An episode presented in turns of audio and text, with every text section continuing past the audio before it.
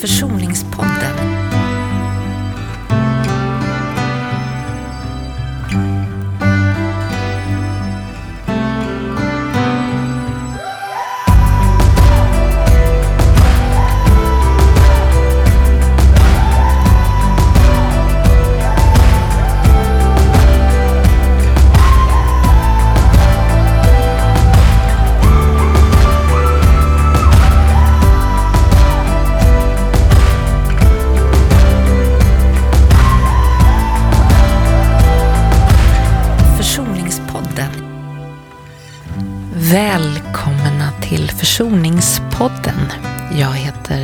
Fred och är psykoterapeut och föreläsare och handledare. Och för några år sedan så skrev jag tillsammans med journalisten Ulrika Hjalmarsson Neideman boken Försonas med din barndom och kanske med dina föräldrar.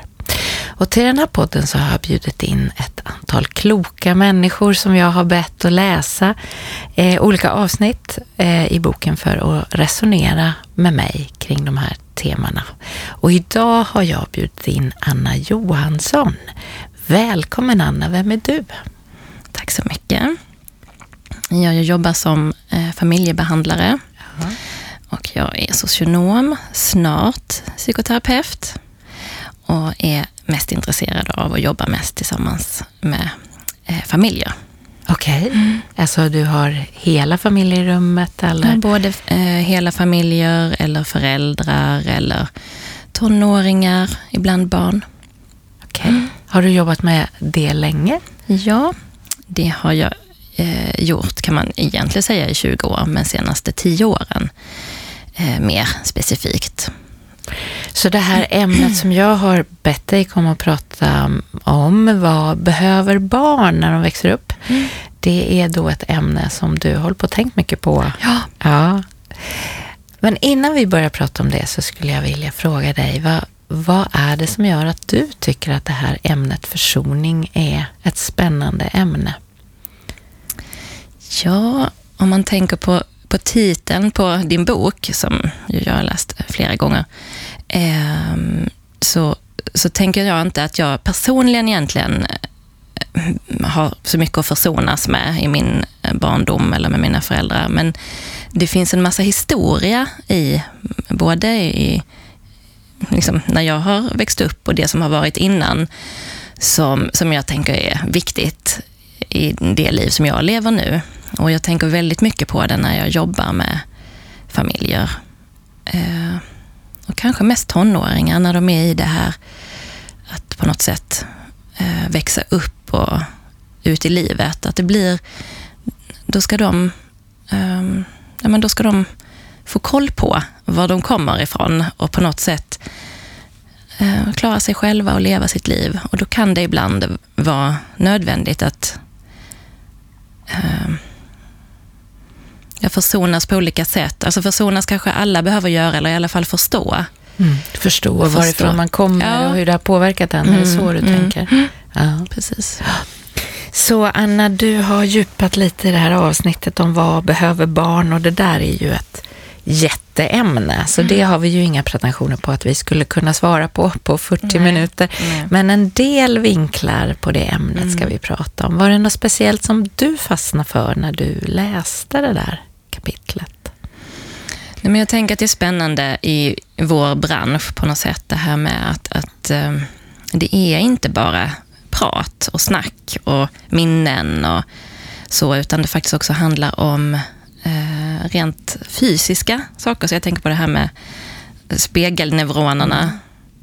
Så det tänkte jag, skulle jag, det, jag tycker alltid att man behöver påminnelse kring det på något sätt. Om du skulle vilja prata lite Ja. om det. Eh, jag, är ju, jag är ju ingen biolog, men, men det jag har uppfattat av det här, det här var ju forskning som kom på 90-talet, där man upptäckte att vi har en massa neuron, alltså nervtrådar om jag har fattat saken rätt, som ligger där i oss och väntar på att så att säga bli aktiverade av en annan människas interaktion med oss. Alltså det betyder att vi vi, vi har en standby-läge för att gå in och gå i relation med andra människor och då förstå allt ifrån vad jag själv känner till vem jag är. Och till exempel så du som har barnen och jag som har barn, när, när, våra barn var små så kunde det till exempel vara så att de trillade och så tittade de på oss för att se hur ont det gjorde. Eller hur? Det har du också varit med om. Mm. Alltså, är det här någonting man ska bli jätteledsen över? Eller hur ont gör det i mig, mamma eller pappa, när jag slår mig? Det där är en typisk sån spegelneuronsak. Alltså, jag känner det du känner och du lär mig vad jag ska känna genom din reaktion. Mm. Och så skapas man som människa av den här spegelneuroner. Man härmar, man härmar både såklart fysiska uttryck, men man härmar också känslomässiga uttryck. Det är som om vi, vi förstår inte vem vi är innan vi har blivit speglad i någon annan. Är det farligt? Ska man vara rädd? Mm. Men en sån här sak som getingskräck till exempel. Alltså, vi kan ju ha mm. föräldrar mm. som eh, blir livrädda och då blir vi livrädda. Alltså, vi lär oss en massa saker mm. kring hur jag ska känna genom relation. Mm. Och har vi inte, alltså connectas vi inte ihop med människor så kommer vi heller inte att förstå oss själva. Blir det mm. ett sätt att beskriva det som du känner igen när du har läst om det? Det blir det. Men, blir det, men jag tänker också, är det som ett... Kan man tänka att det är som ett skydd?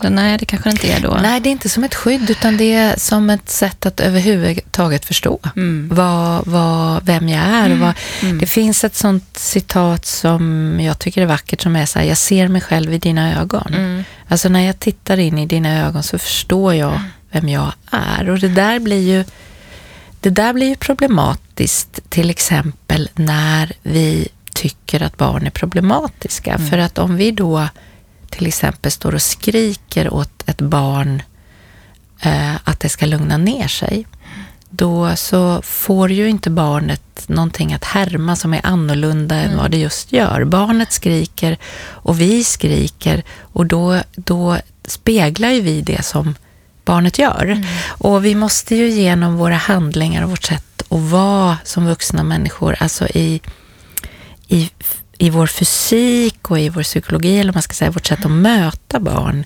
eh, ge dem en handlingsmöjlighet mm. som är på ett annat sätt. Mm. Vad tänker du? Jag tänker att, att, att det låter rätt, men att det blir svårt. Alltså att det är svårt för många och att man både, jag kan ju tänka så själv, men att många som som kanske lyssnar på det här eller som man möter också tänker att ja, men jag måste ju vara genuin. Jag kan mm. ju inte, alltså jag får inte hitta på för, att, för jag, mitt barn måste ju lära känna mig ja. och sådär. Och att, att, den där liksom avvägningen, för det är ju också sant. Ja. För man, det går inte att, att, hitta på på något sätt. Men... Mm.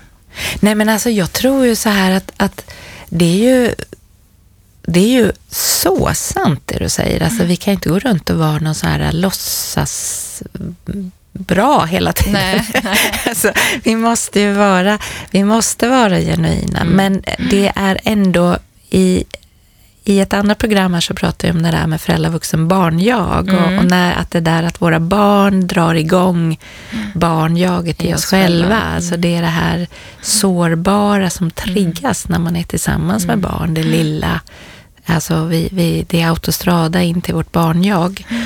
Och eh, så är det ju, men när vi får tag i vårt vuxenjag så kan det ändå vara smart att tänka, jag måste spegla, jag kan inte bara skrika åt ett barn mm. som skriker att det ska lugna ner sig. Jag måste också visa genom mitt sätt att vara hur man mm. gör. Mm. Och hur det känns. Och hur det mm. känns. Och hjälpa barn mm. med hur det känns och hur det är, så att säga. Därför att generellt är det ju så att det är svårt att, eh, som sagt, bete sig på ett sätt som man inte har sett någon bete sig mm. på. Mm. Mm. Varit med om på riktigt. Mm. Så att eh, alltså, om man... Det är ju därför också som man som förälder eh, kan kopiera sina egna föräldrars sätt att göra. Fast man hade bestämt sig för att låta bli. För det är, Så det- man är en speglad i ja. Mm. en, i någonting och så kommer det nästan som automatiskt. Och för att kunna ändra på det där, då måste man lägga till förnuftet och tanken. Mm. Men alltså, vi ska inte gå runt och ha koll på oss själva precis Nej. hela tiden. För då tycker jag att det är, precis som du säger, det är ju något genuint som Mm. vi missar. Men man kan ju man kan ju också hitta en genuinitet i att tänka efter, eller hur? Mm. eller hur, Anna? Det kan man ju göra. Hejda sig Ja. och tänka efter precis. Ja. Var det något annat du tänkte på när du... Ja, men för jag tänker också kring det där då att, att ehm, du skrev någonting om det här med att, ehm, att barnen på något sätt, eh, eh, de har en radar Mm. som de läser av sina föräldrar. Mm. Ehm, och lär sig, kanske, jag vet inte om man kan säga att genom det att de lär sig. Mm. Men vad, för jag funderar på hur det blir genom eh, barnens uppväxt. Alltså den där radarn, jag, jag ser det som att de söker av någonting. Alltså att de kollar, liksom, ja, söker eh, sina föräldrars reaktioner ibland. Och, um, och det är lättare att på något sätt eh, möta det när de är små. Men det här när, när barnen blir tonåringar, alltså vad, tänker du att, att det blir på ett annat sätt då? Eller är det samma avläsning som pågår och att, man, att barnen behöver samma spegling då? Jättespännande fråga. Jag tror att det beror på hur man har haft det som barn. Mm.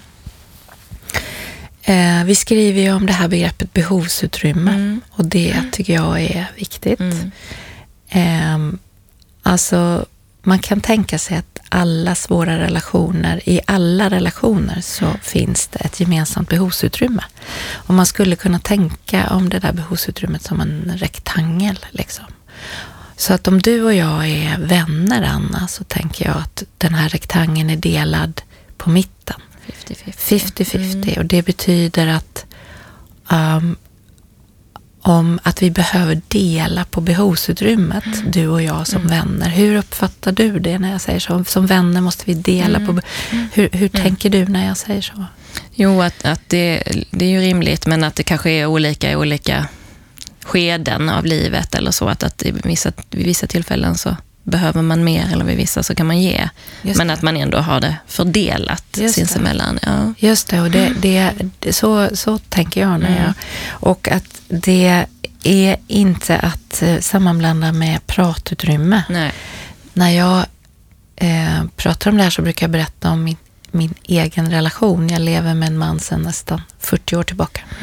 Och eh, han är väldigt mycket tystare än vad jag är. alltså jag tror att jag har tagit 70 procent av vårt gemensamma pratutrymme, tror jag.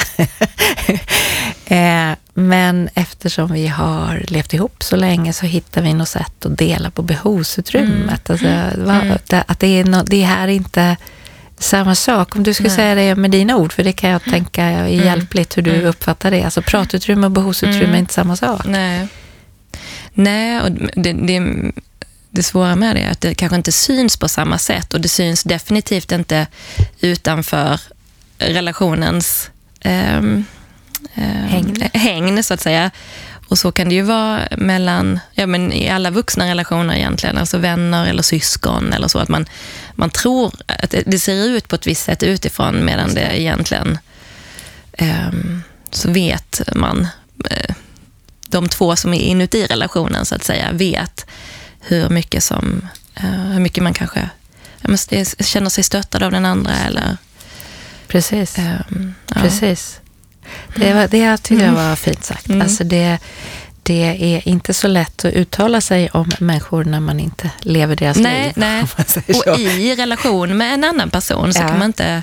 Och på samma sätt så kan det ju också vara så att en, en tänkte jag nu, att en person som ser självständig och tuff ut eh, på, eh, liksom, när man ser det utifrån, det kan ju vara något, den kan ju ha så stora behov att den behöver ha en annan person med sig hela tiden. Just det. Och då, då man tänker så, att det där är eh, vänskaps eller parrelation, mm. när, man, mm. när man över tid delar på behovsutrymmet. Mm. Så tänker jag så här om föräldrar-barn, eh, rektangeln, behovsutrymmets rektangeln med föräldrar-barn, mm. att när ett barn föds, då behöver den 100 procent av behovsutrymmet. Och det där kan vara väldigt komplicerat för vissa föräldrar. Vi kan komma tillbaka till det. Mm. Men ett barn, alltså när man har ett litet barn, eh, ett alldeles nyfött barn, så klarar den sig ju överhuvudtaget inte utan mig. Alltså, alla mina behov, om, om, om mina behov och mitt barns behov konkurrerar så måste jag åsidosätta mina behov för mitt barns skull, för annars överlever det inte. Mm. Alltså jag måste, jag måste sätta mina behov åt sidan för, för, för dess fysiska behov, men också för dess psykiska mm. behov. Du har ju också läst den där undersökningen från barnhemmet någonstans. Kommer du ihåg den? Mm. Det här med det här att det var barn... De fick mat, men de fick en, ingen fick röra dem, eller hur det var? Ja, alltså det var, var det? det där att, precis, att, mm. att det var något barnhem någonstans eh, för länge sedan där, där eh, alla barn i den här salen fick mat, men bara de barn som låg närmast dörren överlevde. Mm. För det var, mm. de fick mera leenden och mm. kramar eller mm. blev rörda liksom mm. fysiskt. Mm. Och de barnen längre in, de i salen, de överlevde inte. Så att vi, vi, behöver ju, vi behöver ju för att överleva att någon tar hand om våra mm. fysiska behov, men också våra psykiska behov. Alltså man kan ju ruttna bort. Mm. Eh, och inför den här boken så läste vi ju lite olika undersökningar och en sån spännande undersökning var att någonstans, jag minns inte var, i ett samhälle någonstans så bestämde man sig för på, för hundra år sedan att straffet var inte fängelse utan straffet var att sluta ut en människa från gemenskapen så att säga, om, om man hade gjort något brottsligt. Mm. Man fick inte umgås med resten av gruppen. Mm. Och det gjorde ju att folk dog. Mm. Att de inte hade någon kontakt med, nej, med någon alltså, egentligen. Precis, det verkar mm. som vi har detta, detta livsviktiga behov mm. av att få vara i kontakt med andra mm. människor. Och det handlar ju om spegelneuroner och det handlar ju om att förstå vem man är. Och då tror jag så här att, att eh, ett sätt att tänka om föräldraskap är att vi socialiserar vårt barn genom att vi tar tillbaks behovsutrymmet. Mm. Och med det menar jag så här att vi kan ju inte släppa ut ett barn i världen som tror att 100 procent av behovsutrymmet är deras. Nej. De måste lära sig liksom att mm. träda tillbaka mm. lite. Mm. När tror du man kan börja göra det med ett barn? När kan man säga till ett barn, nu får du vänta. Nu ska jag gå på toaletten och du får sitta här och vänta på mig. Tre kanske, mm. men det funkar kanske inte. Nej, men det är ju spännande. Alltså det, är, det är ganska mm. länge mm. som barn hela mm. tiden går före mm. våra behov. Och eh, jag tror inte så här, jag vet inte om du håller med mig om det, eh, att jag tror aldrig att det blir 50-50 mellan barn och föräldrar, inte ens när de är vuxna. Nej. Tror du det? Nej, men det är också... Nej, det tror jag inte. Eh, men, fråga, men, men sen så tänker jag, nu tänker jag ännu längre perspektiv, när, när föräldrarna blir gamla, att då kanske det, det träder in någon annan, eh, alltså en annan sorts behovsutrymme. Mm. Men, men jag tror att det är svårt att, att, jag tror det är svårt för föräldrar också att avgöra när man kan, när man, eller hur det går till att öva ett barn i att, att uh, stå tillbaka i, i sina behov. Och, och, lite som du var inne på, att eh, men hur gamla ska barnen vara om man ska göra det? Eller liksom börja tänka i de banorna, att, att man kanske är lite för snabb där. Och, och, och, då tänker jag kring det där med tonåringar, att, att min upplevelse blir att man är en, alltså alldeles för snabb där. Att på något sätt, när, man är, när barnen är 13 och, och börjar visa prov på att klara sig, eller vilja klara sig ännu mer själv, då är det som ibland att, att föräldrar släpper det på något sätt och kanske börjar se sina egna behov. Att det är väldigt svårt att få till den där... Lagoma dansen. Ja. Så kan det vara, men om jag säger så här då till dig, jag tror också att det kan vara så här att eh, det är mina behov som förälder ibland som gör att jag så här. Eh, jag tror att man kan eh, känna sig avvisad som förälder av sin tonåring mm. ganska rejält. Mm. Okej, du behöver inte mig, skit i det då. Mm. liksom att man, att, eh, nu får du klara själv. Mm. Därför att det, det, är ju en självständighetsträning som mm. våra tonåringar gör och det där ordspråket älskar mig mest när jag förtjänar det minst för det är då jag behöver det bäst. Att, att jag tror att vi pratar lite för lite om, vi pratar massa, det finns massa böcker om tonårsutveckling och, mm. och självständighet, men alltså det, det här är ju också en period som inträder när vi själva börjar bli lite medelålders mm. eller mm. övre medelåldern och det är existentiellt och våra barn ska lämna oss och mm. vad, hur ska våra liv då mm. bli? Och, mm nu vill han inte komma hem och vara med mig på lördagskvällar utan mm. han ska ut med alla sina kompisar. Mm. Och vad, vad blir det med den relation jag har utan barnen mm. hemma? Och det finns ju mycket existentiella mm. saker. Så jag tänker att det här med behovsutrymme kan också vara att jag som förälder har behov. Har behov. Eller, ja, och, och så, inte, mm.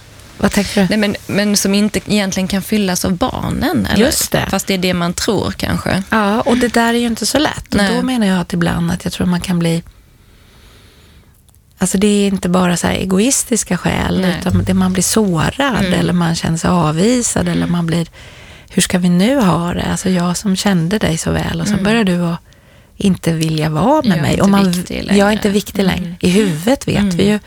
Mm att vi är det, men i känslan. Mm.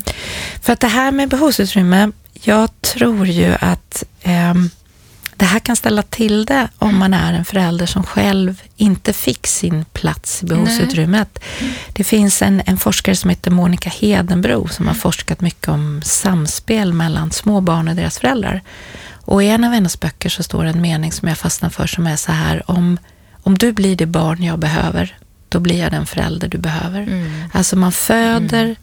sitt barn i första hand för att fylla behov man inte har fått uppfyllt. Alltså jag har aldrig känt mig omhändertagen. Så jag föder barn som ska ta hand om mig, som mm. ska skapa hela meningen med min existens. Mm. Och barn skapar ju mening med vår existens, det är inte det jag menar, men, men i första hand föder jag barn för att fylla mina behov. Mm. Och då brukar jag prata om att barn kan komma till världen som sin egen mormor. Alltså de föds som mamma till sin mamma. Mm. Vad tänker du om det, Anna? Jag tänker att det absolut kan vara så. Och så, så tänker jag, men och, och hur... Att det krävs väldigt mycket för föräldrar att komma på det. Alltså tänka i de banorna. För det är ju klart att alla föräldrar vill vara good enough föräldrar. Eller de vill ta hand om sina barn och såklart vill det bästa för sina barn. Men att... Eh, jag har aldrig hört en förälder uttrycka det så. Att jag, alltså äh, insiktsfullt.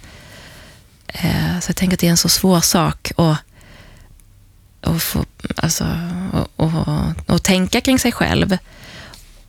Och då känns det på något sätt, då tänkte jag nästan, oh, det är väldigt svårt att komma till rätta med. Ja, och det, det, det jag vet inte ens om man, man kan det. Eh, eller det kanske man, det kan man väl. Men, mm. men jag håller med dig. Däremot så har jag ju pratat med ett antal vuxna människor om det här. Mm. Att, eh, och som det har eh, som har liksom fått en insikt när jag har pratat så. Alltså de de kan inte för, eh, alltså, eh, tillgodose deras föräldrars behov, mamma Nej. eller pappa, mm. på det här sättet. Det går, de är födda, jag vet en person jag hade i terapi som jag sa, alltså du, du är född i fel generation. Mm. Alltså det här som mm. din mamma ber dig om skulle hennes mamma mm. eller pappa yeah. ha gett henne. Mm. Mm. Och när hon inte har fått det och har med sig det hålet så kommer du aldrig kunna fylla det för det skulle betyda att du hade makten mm. eh, att kunna så att säga, ta hand om henne mm. på det sättet som ett barn behöver bli omhändertaget. Mm. Och det där är ju en insikt tror jag i försoningsprocessen att man behöver förstå, men herregud, det är inte ens en möjlig uppgift för, för mig. För, mig. för då, då skulle jag ha varit 60 år äldre.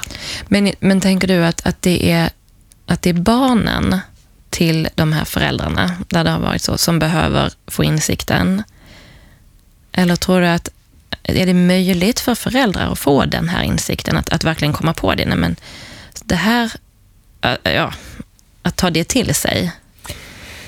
Jag, jag vill ju tänka att saker alltid är möjligt. Det var mm. någon, någon terapeut någon gång som uttryckte det, mirakel sker och vi vet inte med vem. Mm. Men jag tror väldigt mycket, jag delar väldigt mycket din idé om att det kan vara mycket svårare för mm. föräldrar. Mm. Att, men herregud, jag sätter ju alltid mina behov före mitt mm. barns behov. Alltså det går ju inte Nej. så många föräldrar med på i den beskrivningen. Nej. Men då tror jag att det kan vara viktigt som vuxet barn till, till en förälder som man har fött som förälder till. Mm. Att uh, förstå det här med huvudet. Man kan... Att det är där krutet måste läggas ja, om man ska komma vidare på något sätt. Det kan vara det här. Det här handlar ju inte om... Det handlar, här handlar ju inte om uh, kärlek, så att säga. Behov Nej. och kärlek är ju olika saker. Hur tänker du då? Vad sa du? Hur tänker du då? Jo, men alltså jag tänker så här. Jag brukar ju prata om att jag tänker att det finns som två domäner. Mm, den ena som jag kallar för kärleksdomänen och den andra som jag kallar för handlingsdomänen. Och jag tror, precis som du var inne på, du sa att alla föräldrar vill vara goda föräldrar. Det tror jag faktiskt också. Mm. Alltså, och jag tror att, att alla som har hållit ett nyfött barn i famnen eh, som är deras mm. har känt jag önskar dig allt gott. Mm. Så att säga. Jag vill att, att du ska få ett bra liv och jag ska skydda dig allt det jag kan. Därför så tror jag att jag har, jag har ju träffat tusentals föräldrar och det har ju du också. Vi har träffat väldigt många föräldrar och jag har aldrig träffat en förälder som jag inte tror älskar. Men jag har träffat många föräldrar som inte förmår att visa det. Och det man har nytta av som människa för att leva och det här med att bli speglad i och härma och så, det är ju att man känner sig älskad. Mm. Mm. Alltså man kan ju vara älskad utan att känna sig mm. älskad. Mm. Och då har man ju inte så mycket nytta av Nej, att man, man inte har älskad. den där medvet eller inte medvetenheten utan vetskapen. Nej, alltså för det har aldrig omsatts i handling. För mm. handlingsdomänen handlar ju om att jag kan. Mm. Kärleksdomänen är att jag älskar och vill och handlingsdomänen är att jag kan. Och den har ju att göra med mina egna förebilder, vad jag mm. själv har fått, min ryggsäck, min socioekonomiska situation mm. och mm. mitt stöd och en massa saker. Mm. Alltså, jag kan inte, jag förmår inte att visa dig att jag älskar dig. Och jag tycker ju inte att man är skyldig föräldrar något som inte har kunnat bara för att de älskar. Alltså älska blir mm. inte ett argument. Det räcker inte. Det räcker nej, inte. Nej. Köper du det? Mm. Hur tänker du kring det? Mm. Fast det är ju ändå svårare, tänker jag, för de unga, om vi ska säga, eller de, både vuxna barn, men de barn eh, till föräldrar som, eh, som hävdar att ja, men jag har älskat dig och det är klart att jag har, men där barnen inte har upplevt det och kanske inte gör det nu som vuxna heller. Jag tänker att den här skuld... Um, det, det, är ändå svårt för... Uh, um, alltså när, när, du sa det här med att ja, men är man skyldig någonting, alltså en förälder skulle kunna hävda det och att det kan vara svårt nog att bära för barnet om föräldern framhärdar att men jag har alltid älskat dig och din bror till exempel. Så därför ska du? Så därför ska du nu ta hand om mig eller mm. fira jul här? Eller? Ja, alltså det, det, det, det är ju så. Mm. Alltså, det, det här är ju svåra saker. Det här är svåra känslor. Men, mm. men jag, det är därför jag tycker det är så viktigt att säga att eh, jag tycker inte att um, att man säger att man har älskat och vi kan ju inte gå in och avgöra det. Du kan ju inte bestämma om någon människa älskar eller inte. Nej. Men det, det jag kan bestämma är om jag har känt mig älskad. Mm. Och att ändå det här med vuxen-jag, att få in i förnuftet att om jag aldrig har sett kärleken visas mig på ett sätt som jag har haft nytta av, mm. då får jag säga det där blir inte bra för mig. Nej. Alltså, Därför det, det är ju inte så att man har någon eh, automatisk ingång till barn Nej. därför att man har älskat Är dem. för, ja, eller är, bara är förälder. Eller är pappa. förälder. Man Nej. måste så att säga ju eh, ha ett schysst förhållningssätt till människor som man vill ha en rel- relation till. Mm. Eller hur? Och, och det där finns ibland hos föräldrar och barn. Jag tror verkligen det där du säger att man kan känna skuld. Mm. Eh, men hon har ju ändå älskat mig, absolut. Och, men jag tänker att det blev inget bra om jag aldrig någonsin kände mig eller kände respekterad det. Mm. av, av någon. Så det där är viktigt. Och var, en annan sak som gör det viktigt tror jag är att i vår bok där så blev jag väldigt berörd av en person som sa Hur kan någon älska mig när min pappa inte älskade Mm. mig? Och jag gillar att tänka så här istället. Det gjorde han visst. Men han hade ingen förmåga att visa det. Mm. Därför att det blir en skillnad för vuxna människor tror jag om man tänker om sig själv som en oälskbar person. mm, Eller om man tänker så här. Jag var visst älskad men min pappa kunde inte visa det på något sätt som jag hade användning för Nej. he's lost liksom. Mm, alltså, så han, det, det är liksom, han kan inte, alltså det har inte varit bra för mig, jag har blivit skadad av Mm, det, men jag ska banne mig inte lägga på mig att jag också är en oälskvärd person. Nej. Tänker du som jag där? Ja, fast det, och det är ju verkligen lättare sagt än gjort. Ja. Att, att liksom eh, skilja på, på de sakerna. Och där kan jag tänka, som, eller så tänker jag ofta, och att, att man behöver, när man ska utvecklas och bli vuxen, så behöver man på något sätt backa hem. Alltså man behöver, tänker jag, alltså backa hem, då, med det menar jag att man, att man går tillbaka till de ursprungliga relationerna på något sätt. Eh, Men det funkar ju inte alltid, för att om man backar hem så kan man ju hamna i den där, nej men jag, fast om, om jag tänker tillbaka på mina första relationer så hade inte jag den där känslan. Alltså, det. har jag fått till svar.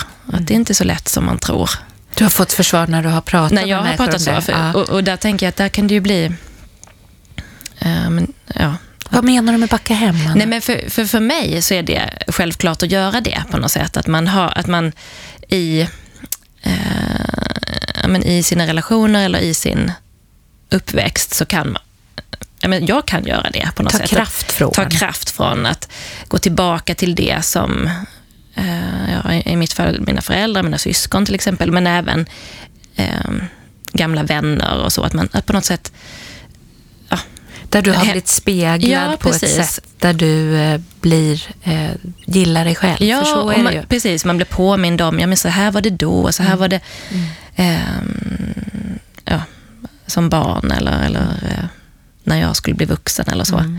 Men att, att använda den, att säga så till, till eh, andra människor, det är liksom inte lika självklart. För att om de backar hem så hittar de någonting som är en, kanske en osäkerhet på om, eh, Om man var älskad. om man var älskad eller inte och varför inte. Och, ja, och så läggs en massa känslor över det.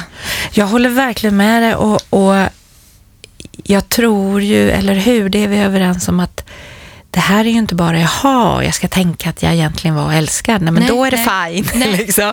För där är, det är ju inte alls det. Men jag tror, det här som jag pratade med en kollega till dig om, att man måste bredda berättelsen. Mm. Att man ändå börjar att ta sig fram i att bredda berättelsen. Mm. Finns det fler svar än att jag inte var älskad? Ja, du var älskad men han kunde inte visa det. Och det gör precis lika Mm. ont. Men, eh, men det handlar inte om att du kom till den här världen och var en freak Nej. liksom, som ingen Det kunde fann, älska. nej, utan snarare så fanns det en anledning att du kom och det var att du var älskad. Men, ja, men att den behöver formuleras på olika sätt. På något sätt, bredda berättelsen. Just ja. det. Och det, det hade ju varit betydligt bättre för dig om du hade kommit till föräldrar som också kunde visa det. Mm. Och att det blir också då den här att, att föra in den här idén om att barndomen inte är så personlig som man tror, Mm. fast det låter Mm. absurt. Alltså, Mm. Att det är det här med att det finns andra berättelser Mm. som gjorde att jag inte kände mig älskad än att jag inte gick att älskas. Mm. Mm. Och det får jag för mig kan vara viktigt. Absolut. Vad tror du? Jo, men Eller det tror du att det Och bara det- blir en konstruktion nej, i huvudet? Nej, det tror jag inte. Nej, och jag tänker på flera, ehm, alltså just i, men som jag, pratar med just Mm. nu, eller, eller så här, Ja. som jag har Ja. eh, kontakt med just nu, som Ja. håller på att bli vuxna, som är unga vuxna. Ehm, så, så det är ju båda de här delarna som, som du säger, att ja, men det är inte så lätt som, som att man bara ändrar det i huvudet. Så, det funkar ju inte så. Utan, Nej. men jag tror att absolut kan ha en betydelse om man börjar eh, prata om andra alternativ, alltså, eller andra förklaringar. Vilken betydelse tror du att det kan ha? Vad, vad, hur kan du koppla det till de människor du möter? Vilken betydelse får det för dem med andra idéer som du för in? Att på något sätt förstå, eh, det kan ju handla om konflikter mellan föräldrar till exempel, att, att en, en av föräldrarna har hållits borta från barnen. Ehm, så sen kan man, det kan man ju alltid hålla på och problematisera, ja men han borde ha ändå. Men, men det kan ju faktiskt vara rent praktiska förklaringar att den ena föräldern har flyttat med sina barn och undan, liksom hållit dem borta från den andra föräldern. Så, så kan det ju helt enkelt vara. Och då, att på något sätt, att bara prata om de där konkreta grejerna har jag sett eh, är till hjälp. Och sen så kan man ju också eh, på något sätt testa de där hypoteserna faktiskt. Om det finns någon kontakt mellan någon som är på väg att bli vuxen och en förälder, så kan man ju liksom öva upp de där, eller inte öva upp, utan mer, eh, ja men nu när du är så här vuxen kanske du behöver ta mer ansvar för relationen, på tal om det här med utrymmet. Och kanske att motivationen till det är att lite testa hypotesen. Men var jag värd någonting För dig? för dig? Och väldigt ofta så får man ju, så, eller det är min erfarenhet i alla fall, att de här unga vuxna får ju positiva besked. Alltså om de vågar närma sig föräldrar som de inte har haft så mycket kontakt med, om, om man ska vara så konkret, så får de ju ofta fina svar. Och det får ju jättestor betydelse. Jag säga. börjar tänka på en... eh, en eh, jag, vi ändrar ju både du och jag lite i historierna så att det inte riktigt går att identifiera dem vi Mm, pratar om. mm. Men jag, jag tänker på en person som jag jobbade med för otroligt länge sedan. En, eh, en pojke som hade ett väldigt destruktivt beteende. Han, han tyckte om att gå ner på tunnelbanespåret och höra hur det dunkade i rälsen innan han sprang upp. Alltså farligt. Det var farligt. Och den här killen hade aldrig träffat sin pappa. Mm. Och eh, jag och min kollega som jag jobbar med då, vi valde att börja utmana hans mamma kring det där. Och eh, då visade det sig att hon hade aldrig berättat vad pappan hette eller var han bodde. Och hennes förklaring var att han bryr sig i alla fall inte om dig. Det var det hon sa till den här pojken. Eh, och, eh, men då så, det var min kollega som jobbade då, så hon stod på sig kring att säga okej, men ska jag ändå hjälpa dig att få kontakt? Den här killen var 11 tror jag. Ska jag hjälpa dig att få kontakt med din pappa? Ja, då sa hans mamma, ja det kan ni ju försöka men han kommer inte bry sig. Och när min kollega ringde upp den här pappan började han att gråta. Och så sa han, gode gud, liksom, är det någon som kontaktar mig kring min son? Och sen så möttes den här sonen och pappan för första gången i våra lokaler där jag jobbade då. Och det pappan gjorde var att ta upp sin portmonnä och visa det här slitna babyfotot som han hade burit med sin son varje dag. Sen tänker jag ändå att man kan problematisera precis som du säger, ja fast pappan har ansvar att försöka höra, alltså allt det där kan man dock säga, men, men den här, vad som hände med den här killen, det blev inte, och så levde de lyckliga alla sina dagar, men han slutade ligga på tunnelbanespåren, därför att det var någon känsla av att, att vara sedd, och det är ju det du pratar om. Sen kan man ju tycka att det är obeskrivligt läskigt, för tänk om man inte får svaret. Mm. Och då får man vara i, då har jag en förälder som har extra svårt att vara i handlingsdomänen. Alltså, Eller hur? Då har jag, men eh, jag är ju ganska, jag tror inte att man ska vara där i att de inte har brytt sig. Eh, alltså. Men jag har inte känt det och då, då får jag säga, då har jag ingen nytta av det. Nej. Det är du med mig på. Jag får ju verkligen säga till en förälder, jag vill inte, för du Nej. har inte haft någon som helst förmåga att visa mig. Mm. Men det där bebisfotot i, i, i plånboken mm. gjorde himmelsvid skillnad mm. för den här killen som hela tiden hade hört. Och då tror jag att det var just, för det var ju föräldrarnas konflikt. Mm. Som hade legat i, i Alltså pappan vägen. brydde sig inte om mamman. Mm. mm. Men han brydde sig om barnet. Mm. Men det det, det, apropå behovsutrymme gick mm. inte mamman med på det. Nej. Men jag tänker på den där frågan du ställde för en stund sedan, Anna, eller vi började prata om, hur är det med tonåringar? Du mm. pratade de läser av och fortsätter mm. de att vara mm. känsliga. Hur var det du sa när du pratade om det där? Nej, men jag tänker, Mm, du, du pratade en del om det utifrån det där med, alltså, det jag funderade på var att jag eller mm, jag får en tanke om att den här att söka, att ha sin radar och söka olika svar kan ha olika uttryck och de där uttrycken kan ju bli, du pratade om det här att föräldrar kan känna sig avvisade. Att det där, den där dansen blir så svår med, med ungdomar som söker någonting eh, och testar någonting och föräldrar som kanske inte riktigt orkar stå på sig och förstå att, att barnens behovsutrymme fortfarande är stort. Mm. Så jag tänker att, men, nej, men jag, De behöver en, ja. Ja, de behöver en fortsättningsvis, mm. mm. även om de inte visar det. Mm. Mm. Och då, det var någonting med det. För, att, för att, då tänker jag så här att om du då är barn till någon som inte har gett dig adekvat behovsutrymme, mm. alltså åldersadekvat behovsutrymme, när du är noll år liksom 100 procent och när du är tre år kanske 90 procent och när du är sju år kanske mm. 70, jag vet inte. Alltså, mm. sådär. Och sen är det ju så att när våra barn står inför stora utmaningar, de ska börja förskolan eller skolan eller mm. gymnasiet, så, så kan de ju regrediera, de går tillbaka och då behöver de mer behovsutrymme eller någon har gjort slut med dem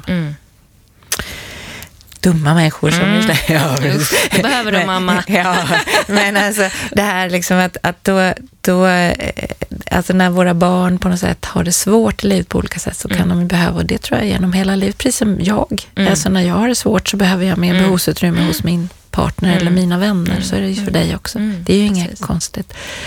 Men har man varit någon som har fått för lite behovsutrymme, då tror jag att man är skolad i att hela tiden se sin förälders behov.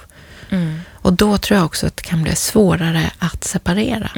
Mm. Att lämna. Liksom. Att lämna. Mm. Och därför så tror jag att man kan, alltså har du adekvat behovsutrymme mm. så kan du släppa. Mm. Alltså, mm. det här att ge våra barn rötter och vingar. Att när, därför att vi ger dem rötter så kan de flyga ifrån oss. Så att säga.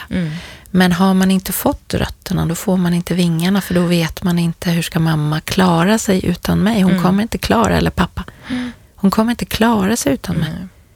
Jag har träffat unga människor som har berättat för mig. Jag vet en, en kvinna jag träffade som berättade att hon tackade ju verkligen nej till eh, umgänge med vänner i tonåren, mm. därför att hennes mamma var så ledsen mm. efter mm. ja, mm. för i mm. livet. Mm. Hon kände sig så ensam så att det, hon, hon kunde inte. Vara, hon behövde vara där och ta hand om. Och då kan man ju inte flyga. Så att ens radar för ens föräldrar tror jag också har att göra med hur mycket ens föräldrar har övertygat mm. en om att de klarar sig själv.